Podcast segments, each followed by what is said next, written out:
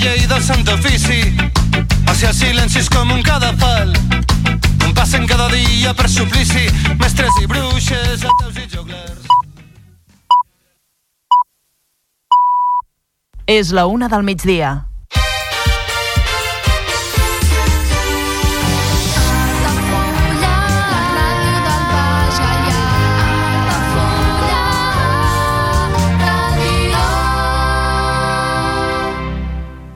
Altafulla Ràdio. Serveis informatius.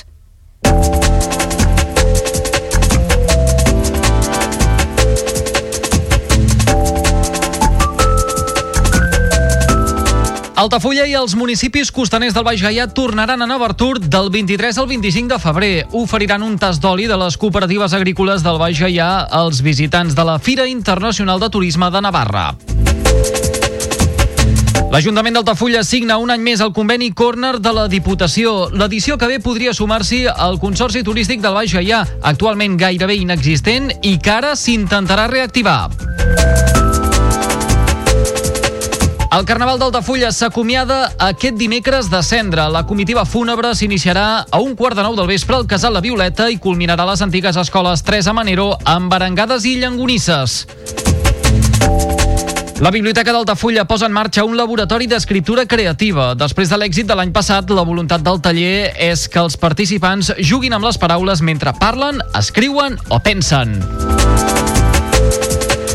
La policia de Torre d'Embarra deté dos homes per robatori amb força a la deixalleria. En total eren cinc les persones que havien accedit a la instal·lació supramunicipal, però tres es van poder escapar corrent. L'Ajuntament de Roda de Barà busca el cartell del Dia Internacional de la Dona. La regidoria d'Igualtat ha posat en marxa la quarta edició del concurs de dibuix del 8M, en què hi poden participar joves entre 12 i 25 anys.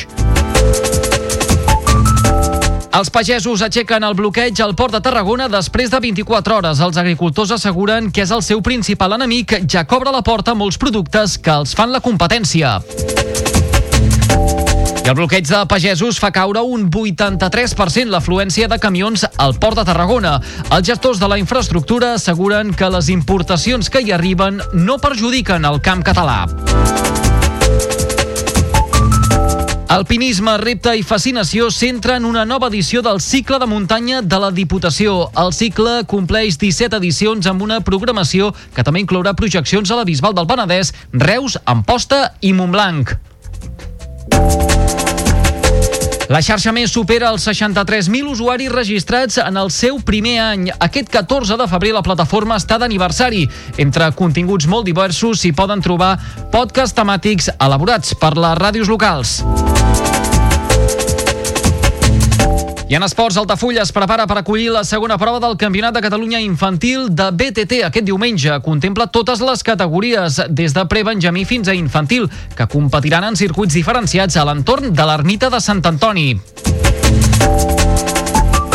I els trofeus socials del Club Marítim Altafulla esdevenen un èxit de participació per part dels regatistes. Des de l'entitat destaquen que funcionen de meravella i que en més d'una regata han doblat el nombre de participants que era habitual.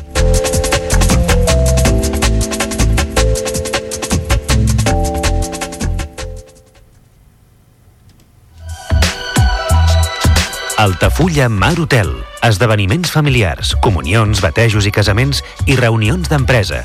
Sales privades amb llum natural, terrassa i accés al jardí, des de 10 fins a 200 assistents. Altafulla Mar Hotel, el teu espai de confiança per a les teves celebracions familiars al barri marítim d'Altafulla. Demana pressupost sense compromís trucant al 977 65 11 55. Altafulla Mar Hotel. Altafulla Mar Hotel patrocina l'informatiu.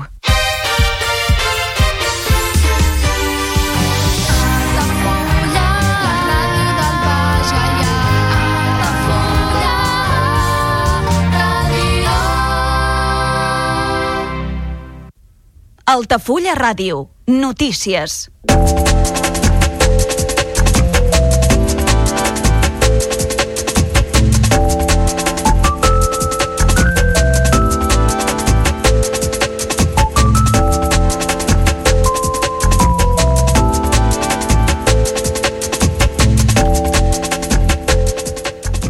Altafulla i la resta de municipis costaners del Baix Gaià, com són Torre d'Embarra, Creixell, Roda de Barà i també Tarragona, tornaran a ser presents enguany a Navartur, la Fèria Internacional de Turismo de Navarra. Aquesta és una de les cites més importants del sector turístic a la zona nord de l'estat i se celebrarà a Pamplona la setmana que ve, des del divendres 23 fins al diumenge 25 de febrer. D'aquesta manera, les cinc poblacions de costa de la subcomarca es tornaran a promocionar conjuntament al mercat navarrès sota el paraigües de la marca Costa Costa Daurada. I és que Navartur és una de les cites habituals on assisteixen plegats els municipis d'aquesta zona. Sobretot ha explicat el regidor de Turisme d'Altafulla, Tomàs Serra, atesa la importància dels mercats navarrès i basc en el sector turístic del nostre territori. Sí, Navarra és una fira molt atractiva perquè és una fira que es dedica al públic final, es dedica a les persones i no es dedica a grans corporacions i grans marques ni turisme de creuers, sinó que el que busca és arribar a les persones i, i, i repetirem la fórmula d'anar sota la marca Costa Daurada, però eh, també promocionant el que és el Baix Gaià, que el Baix aquesta acció s'emmarca en les tasques de promoció turística que realitzen Altafulla, Torre d'Embarra, Creixell, Roda de Barà i Tarragona coordinadament per tal de potenciar el Baix Gaià com a destinació turística potencial, ha dit Serra als micròfons d'Altafulla Ràdio, amb la idea de buscar un turisme sostenible i ben diferenciat de les masses i els creuers. En aquest sentit, els cinc municipis gaudiran d'un espai diferenciat dins de l'estant que la Diputació de Tarragona, a través del Patronat de Turisme Costa Daurada Terres de l'Ebre, ubicarà a la Fira Navartur 2024. La idea és aquesta, promocionar uh, aquest turisme de proximitat, eh, turisme sostenible, turisme familiar, que és el que creiem que necessita Altafulla. Eh, no necessitem un turisme de creuers. Vull dir que el que busquem és turisme de proximitat, eh, turisme familiar, un turisme tranquil, no un turisme sagnant, que diria jo, vamos. Eh, llavors, bueno, un turisme sostenible. A més a més, entre els dies 23 i 25 de febrer, els municipis de la costa del Baix Gaià també oferiran als visitants de la fira un tas d'oli de les cooperatives agrícoles de la subcomarca, una acció molt apreciada pels usuaris de l'esdeveniment. De fet, Navartur va comptar el 2023 amb més de 46.000 visitants, un 60% més que en l'edició del 2022. D'altra banda, Altafulla, La Torre, Creixell, Roda i Tarragona enguany també participaran conjuntament al Salón de Turismo de Aragón, Aratur, que tindrà lloc a Saragossa del 24 al 26 de maig.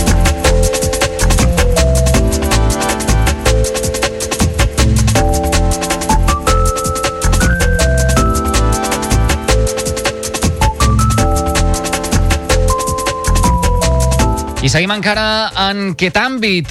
Hem de parlar ara de sumar esforços i estratègies per traslladar al possible turista la diversitat i riquesa de la Costa Daurada i propiciar que la visiti. De fet, aquest és l'objectiu essencial del conveni Corner per la participació conjunta i coordinada al programa de fires i a les campanyes de publicitat del Patronat de Turisme de la Diputació de Tarragona. Enguany l'han signat 32 ens públics locals, entre els quals hi havia l'Ajuntament d'Altafulla, representat pel regidor regidor de Turisme, Tomàs Serra, i associacions empresarials i ens privats. S'hi ha incorporat novament l'Ajuntament de Salou i s'hi han afegit l'Ajuntament de Valls i la Mancomunitat pel Desenvolupament Integral del Territori.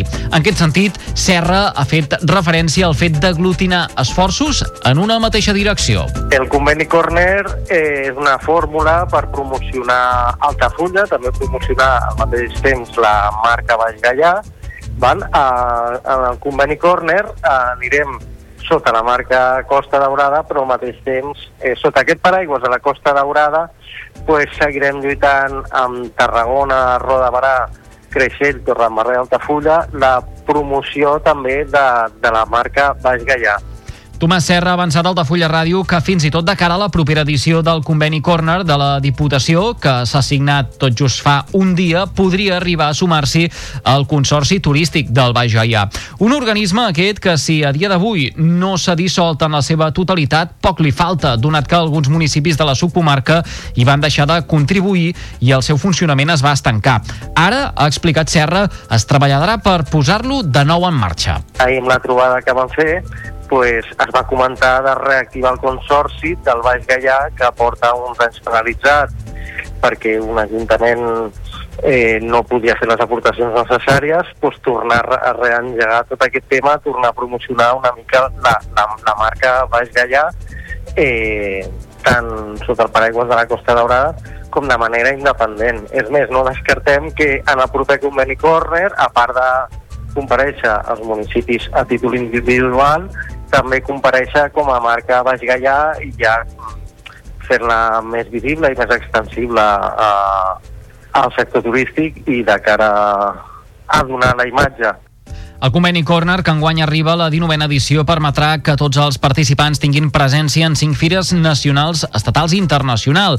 ITV a Berlín, Alemanya, WTM a Londres, al Regne Unit, Fitur a Madrid, B-Travel de Barcelona i Nevertur de Pamplona, i també en una campanya de comunicació conjunta sota el paraigua de la Diputació de Tarragona. D'aquesta manera es facilita que diferents entitats turístiques públiques i privades puguin participar en aquestes accions independentment de la seva dimensió i a preus competitius. En aquest sentit, la presidenta de la Diputació, Noemí Llaurador, ha assenyalat que el conveni Corner exemplifica molt bé tot allò que es persegueix com a ens supramunicipal, la cooperació i el foment del desenvolupament econòmic i social. Llaurador ha assegurat que la promoció de la rica oferta turística de casa nostra, tant a la Costa Daurada com a les Terres de l'Ebre, forma part dels reptes de la Diputació. Reptes que es plantegen des de la perspectiva de la sostenibilitat i que cal abordar des de les aliances i la suma d'esforços. Finalment, la presidenta de la Diputació s'ha referit a la llarga trajectòria del córner, dues dècades que posen de manifest la sintonia entre el teixit socioeconòmic del territori i les institucions locals.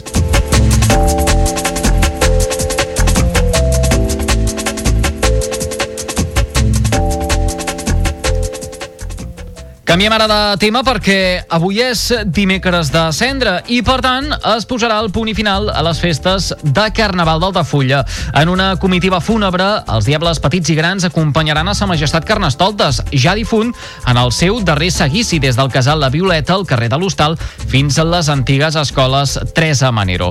La rua tindrà lloc a partir d'un quart de nou del vespre i culminarà amb la lectura del testament del rei de la Disbauxa, el seu enterrament, amb l'habitual incineració davant de de desenes de persones i la tradicional sardinada popular o plat de llangonissa per aquella gent a qui no li agrada el peix per un preu de 2 euros al tiquet. El regidor de festes d'Altafulla, Àlex Canyes, ha fet referència a una clausura del cartell d'actes ja típica. Dimecres de cendra és com cada any, amb la participació dels Diables que van obrint doncs, aquesta comitiva on, on portem el Carnestoltes i, i la Sardina i la resta de grups, no? I després quan arribem a les Teresa Manero hi ha la tradicional sopar de sardinada i botifarrada per a aquells que no li agradi i, i bé, primer el tascament de, del, del Lucifer, que normalment doncs, el fa Lucifer de, dels Diables per tancar aquest doncs, cap de setmana de, de Carnaval i, i en principi pues, això sí que és veritat que és molt tradicional i, Després d'una setmana farcida d'activitats amb les disfresses com a protagonistes, concerts i espectacles familiars, una multitud de rues i més de 400 persones als carrers, gaudint d'un programa que enguany presentava novetats, com el dinar de les colles del diumenge, ara sí, amb el comiat de Sa Majestat Carnestoltes, es donarà pas al temps de Quaresma, i això vol dir dejuni i recolliment, i recolliment fins per Pasqua.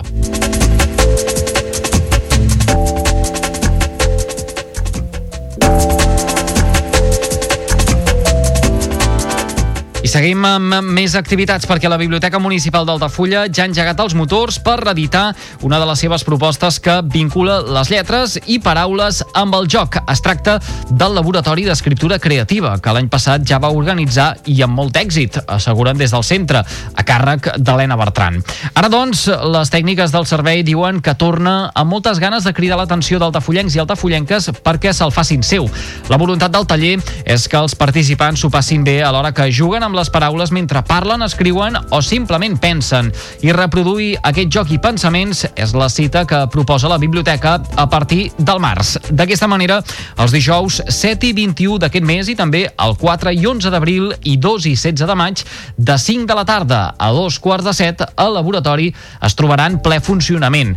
Des de les dependències del carrer Vinyet asseguren que el projecte va adreçat a aquella gent que desitgi aprendre, deixar anar la imaginació, experimentar i divertir-se amb les paraules accessibles i, de fet, està dissenyat perquè qualsevol persona que tingui inquietud per l'escriptura i vulgui posar en pràctica les seves idees faci el pas i comenci a experimentar la creativitat. Els interessats en prendre part al taller d'experimentació amb l'escriptura han de formalitzar les pertinents inscripcions. Per això cal posar-se en contacte amb la biblioteca de manera presencial o bé a través del telèfon 608 589 530 mitjançant trucada o bé amb un WhatsApp.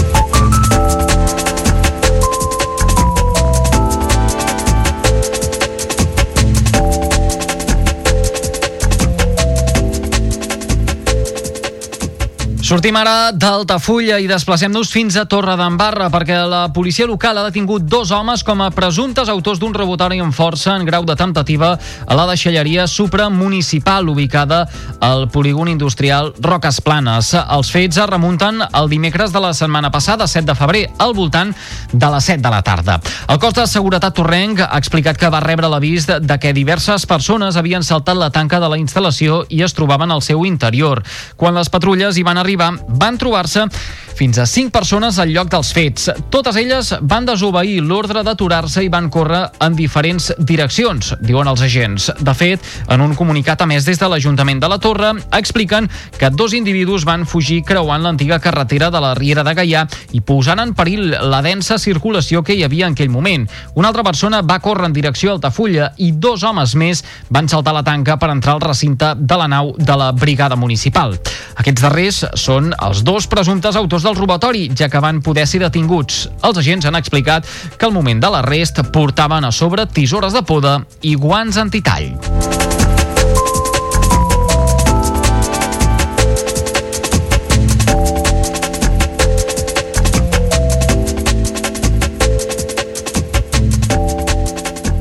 I de la Torre anem ara fins a Roda de Barà perquè s'apropa la commemoració del Dia Internacional de la Dona i la regidoria de la Dona i Igualtat de l'Ajuntament Rodenc amb la col·laboració del Departament de Joventut ja busquen les dues imatges que acompanyaran la programació del 8M. Per això ja s'ha posat en marxa la quarta edició del concurs de dibuix de cartells propis d'aquesta jornada. D'aquesta manera, l'Ajuntament assegura que vol continuar implicant el jovent en la commemoració, alhora que els partícips de l'elaboració del cartell a la jornada reivindicativa. El concurs està adreçat a persones d'entre 12 i 25 anys que hauran d'elaborar un dibuix fet a mà relacionat amb la temàtica del 8M i que inclogui les frases Dia Internacional de la Dona, 8 de març i Roda de Barà.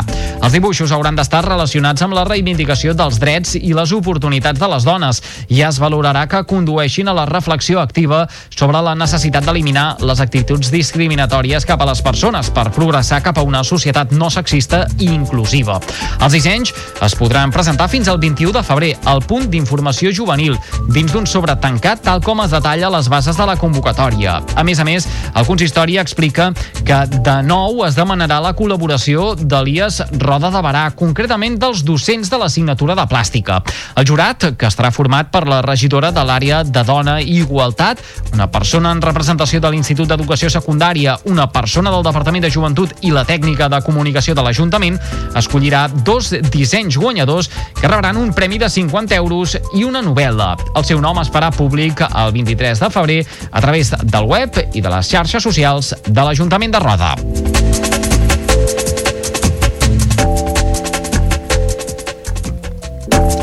I ara obrirem una mica el camp de visió i ens situarem en l'àmbit del camp de Tarragona, perquè els pagesos han aixecat aquest dimecres al matí el bloqueig que han fet durant 24 hores a l'accés del port de Tarragona.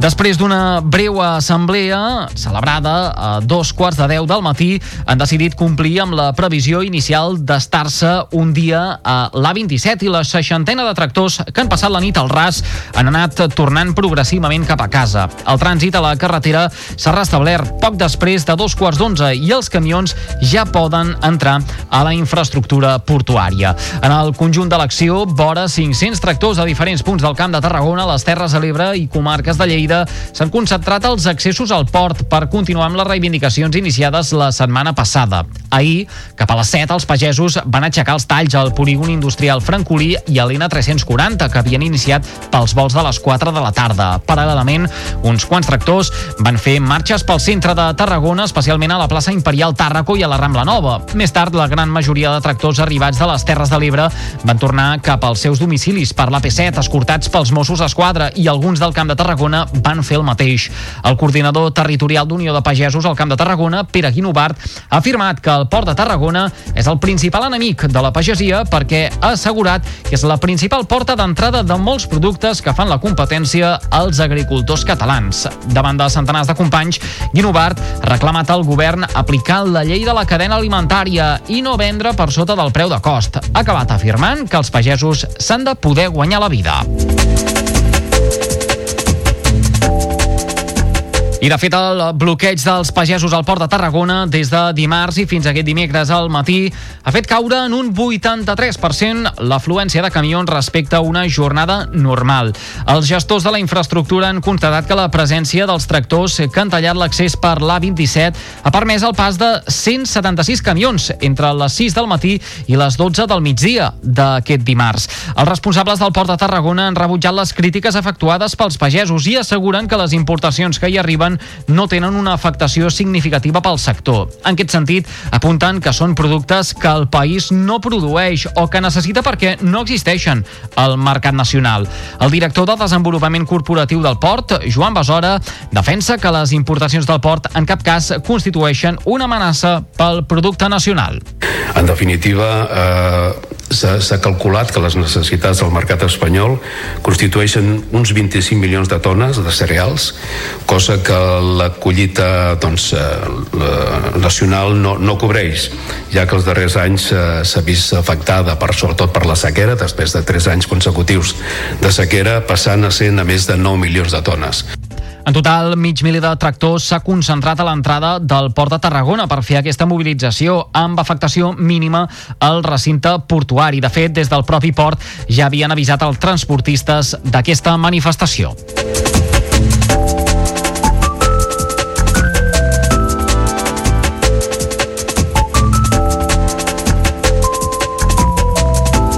I ara els hem d'explicar que la Diputació de Tarragona inicia una nova edició del cicle de muntanya. A partir del 22 de febrer i fins al 21 de març, cada dijous a les 7, l'Auditori de la Diputació acollirà sessions que combinen la projecció de documentals i curtmetratges amb conferències a càrrec de reconeguts escaladors i alpinistes. Sota el títol Alpinisme, repte i fascinació, el cicle enguany arriba a la 17a edició amb una programació que també inclourà projeccions a la Bisbal del Penedès, Reus, Amposta i Montblanc. L'entrada serà gratuïta amb invitació que caldrà recollir una hora abans al mateix auditori. El cicle s'inaugurarà el dijous 22 de febrer amb la conferència i la projecció Atracció instintiva, primera ascensió al Latok Tham, a càrrec de Miquel Mas i Marc Sobirana. Aquests dos alpinistes catalans explicaran com la preservarança i l'esforç els han permès pujar aquesta muntanya que no havia estat mai escalada. L'ascens va ser guardonat per la Federació Espanyola d'Esports de Muntanya i Escalada com a millor activitat d'alpinisme i escalada 2023 en la categoria d'alpinisme extraeuropeu.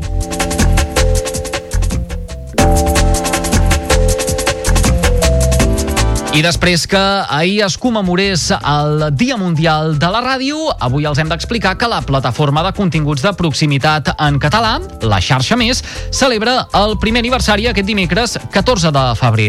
L'OTT ha aconseguit consolidar-se com la plataforma dels mitjans de proximitat amb més de 60.000 nous usuaris registrats i s'ha convertit en un punt de referència de l'ecosistema audiovisual local català. La plataforma permet veure la programació d'una trentena de canals de televisions locals de Catalunya Catalunya, recuperar-la fins a 7 dies enrere i gaudir de verticals temàtics de castells, esports, cultura, documentals, emissions d'esdeveniments en directe, esportius i culturals i fins i tot podcast de les ràdios locals. Els esdeveniments d'esports, castells, tradicions i cultura popular s'han situat com els continguts més consumits tant en les emissions en directe com en el servei de vídeo a la carta. Un dels èxits més rellevants de la plataforma és el volum d'usuaris que segueixen els directes destacats dels canals de televisió locals, majoritàriament especialment en els continguts culturals i de tradicions. Des de la seva estrena, la xarxa Més ha ofert més de 800 esdeveniments en directe i suma prop de 5.300 continguts. Un altre dels èxits de la plataforma és la capacitat per arribar a un públic més jove. Gairebé la meitat dels usuaris han indicat que tenen menys de 30 anys. Entre els continguts més reproduïts pels usuaris destaquen els esports i els castells, especialment els campionats de patinatge artístic i les diades, seguits dels continguts culturals, els documentals, la tradició i la música. La majoria dels usuaris escollen les temàtiques favorites mitjançant els canals, fet que evidencia que la possibilitat d'escollir opcions aporta un valor a l'usuari, facilita la navegació i millora els sistemes de recomanació. La xarxa més continua apostant per l'àudio amb la incorporació de podcasts temàtics elaborats per les ràdios locals. Actualment disposa de 1.300 podcasts que es poden escoltar de manera totalment gratuïta a la plataforma i alguns dels continguts amb més reproduccions són La Figuereta i Paraules Habitables. La solidesa del projecte de la xarxa més ha estat reconeguda amb un ajut per la creació d'ecosistemes digitals en el sector audiovisual dels fons Next Generation de la Unió Europea. Aquest ajut forma part d'una inversió de més de 24 milions d'euros dels Next Generation que el Ministeri d'Afers Econòmics i Transformació Digital ha destinat a diversos projectes municipals i supramunicipals d'arreu de l'Estat, amb un objectiu, el de crear un ecosistema digital al sector audiovisual.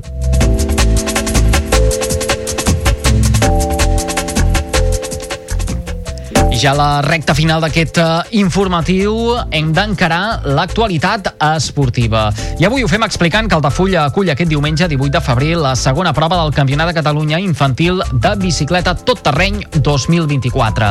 El club Bike Trial Costa Daurada Torredembarra, que els darrers anys organitza la prova amb la col·laboració de l'Ajuntament d'Altafulla i la penya ciclista Altafulla, dona continuïtat al calendari del ciclisme formatiu català de bicicleta de muntanya una setmana després de l'estrena a Vilajuïga. La d'Altafulla és la segona de les nou proves puntuables que ha previst la Federació Catalana de Ciclisme i contempla totes les categories des de prebenjamí fins a infantil. Els circuits tornen a situar-se a l'entorn de l'ermita de Sant Antoni, un lloc privilegiat i idoni per la pràctica d'aquesta modalitat. Destaquen, en especial, les dues zones de salts que hi ha enmig del circuit. L'organització ha preparat uns circuits diversos, divertits i adaptats a les categories. Prebenjamins i benjamins tindran uns 750 metres de recorregut i 10 metres de desnivell, començant en pla, evitant pujades fortes i amb zigasag en una zona de Pineda.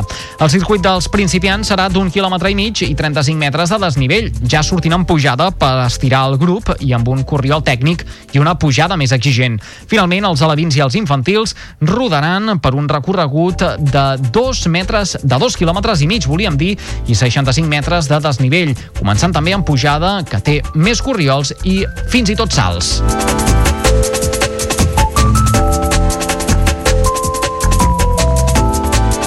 En una altra disciplina, el Club Marítim Altafulla es prepara ja per afrontar l'inici de la temporada forta d'aquí a un mes i escaig amb l'arribada de la Setmana Santa. A partir d'aquí, la seva activitat creixerà de forma progressiva fins a l'estiu, al punt àlgid. Mentrestant, en aquest moment d'impàs se centra en diferents propostes, destacant les de caràcter social, com la dels trofeus socials patrocinats pels regatistes de la flota.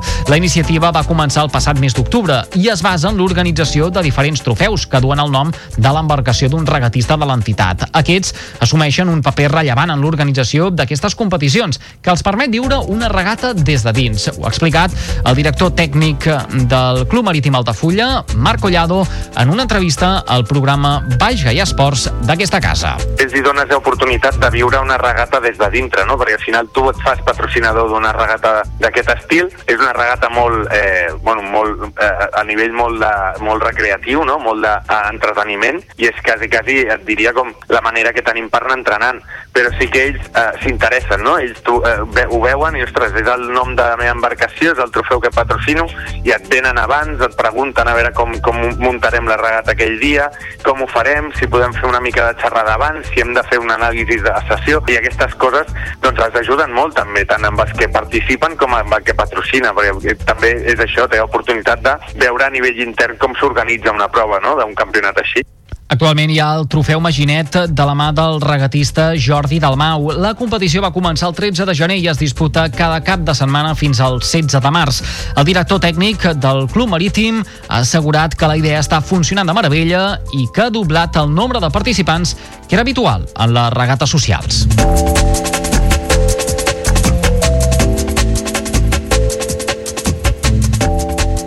Una notícia aquesta que nosaltres ens serveix per posar el punt i final a un nou bloc informatiu d'Altafulla Ràdio. Com sempre, el dial 107.4 de la freqüència modulada a www.altafullaradio.cat a la televisió digital terrestre i també a l'app per Android d'aquesta casa. Ja ho saben, l'última hora la poden seguir a través de les xarxes socials Facebook i Twitter.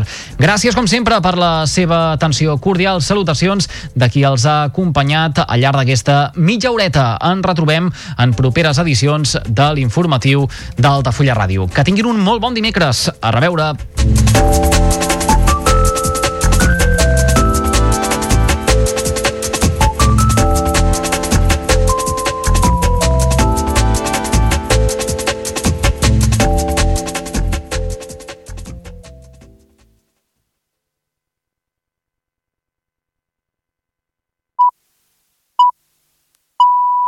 Altafulla Ràdio. La xarxa.